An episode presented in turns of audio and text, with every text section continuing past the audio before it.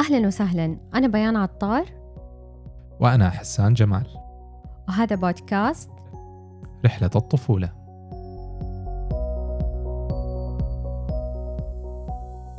عمري ما كنت أتخيل نفسي شخص يتعامل ويشتغل مع الأطفال خصوصا أنه تخصصي الجامعي كان بعيد عن الأطفال وهو تصميم داخلي. حقيقي كنت منغمسة جدا بمجال التصميم لكن شاء الله ودخلت عالم جديد ولقيت نفسي فيه أكثر. حصل إن جاتني فرصة عمل في مكتبة عامة للأطفال في مكة المكرمة لمدة ثلاث سنوات. ثلاث سنوات وأنا عايشة بين كتب أطفال في مجالات مختلفة. عملنا أنشطة وفعاليات أسبوعية. واستقبلنا زيارات مدرسية. وشفنا كيف تأثير القصة على تعديل سلوك. تأثير اللعبة على بناء مهارة. تأثير الحوار على خلق مساحة آمنة للطفل. القصة ما انتهت. هنا كانت البداية. استمرت الرحلة مع عالم الأطفال بزواجي من طبيب أطفال وصرنا في البيت شلة محبين الأطفال.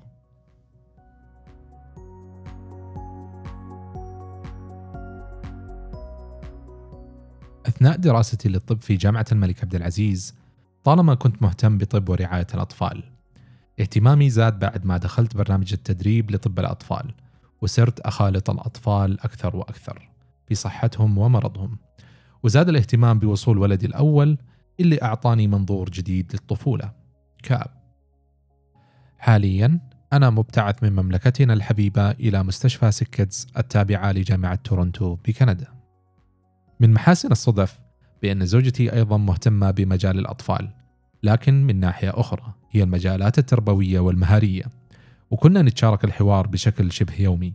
ومن هنا جاتنا فكرة ليش ما نعمل بودكاست نتكلم فيه عن مواضيع متعلقة بالأطفال من الجانب الطبي ومن الجانب السلوكي والتربوي.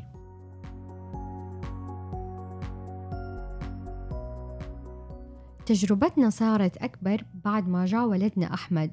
وجالسين نطبق عليه خبراتنا سواء اللي أنا اكتسبتها من مكتبة الطفل ومن الكورسات اللي حضرتها أو من مصدري الأول في صحة الطفل زوجي حسان. بالإضافة أنه تجربتنا هنا في الغربة في كندا مع مكتبات الأطفال العامة والحضانات والتعامل مع الثقافات المختلفة أضاف الكثير لخبرتنا. هدفنا من هذا البودكاست هو رفع الوعي الصحي لدى المجتمع. الآباء والأمهات بشكل خاص. كثير من الأمراض والمشاكل اللي أشوفها بشكل يومي في حياتي المهنية ممكن نتداركها بأبسط الأشياء من أهمها الرعاية الصحيحة للطفل وتأمين بيئة آمنة. وكما قيل في المثل الوقاية خير من العلاج. بحكم تخصصي حأشارككم المعلومات الطبية المناسبة لرعاية الطفل والتي تستهدف أكبر شريحة ممكنة من الآباء والأمهات. لكن من المهم مراجعة أي نصيحة مع طبيب طفلك في حال وجود أمراض أو احتياجات خاصة للطفل.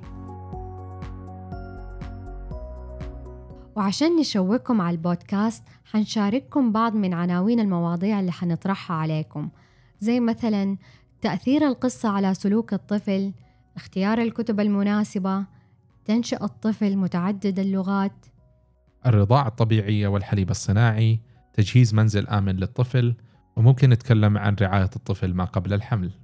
كيف يعني ما قبل الحمل؟ لا تستعجلي حنشوف بعدين. طبعا ما نستغني عن مقترحاتكم وملاحظاتكم. انتظرونا قريباً.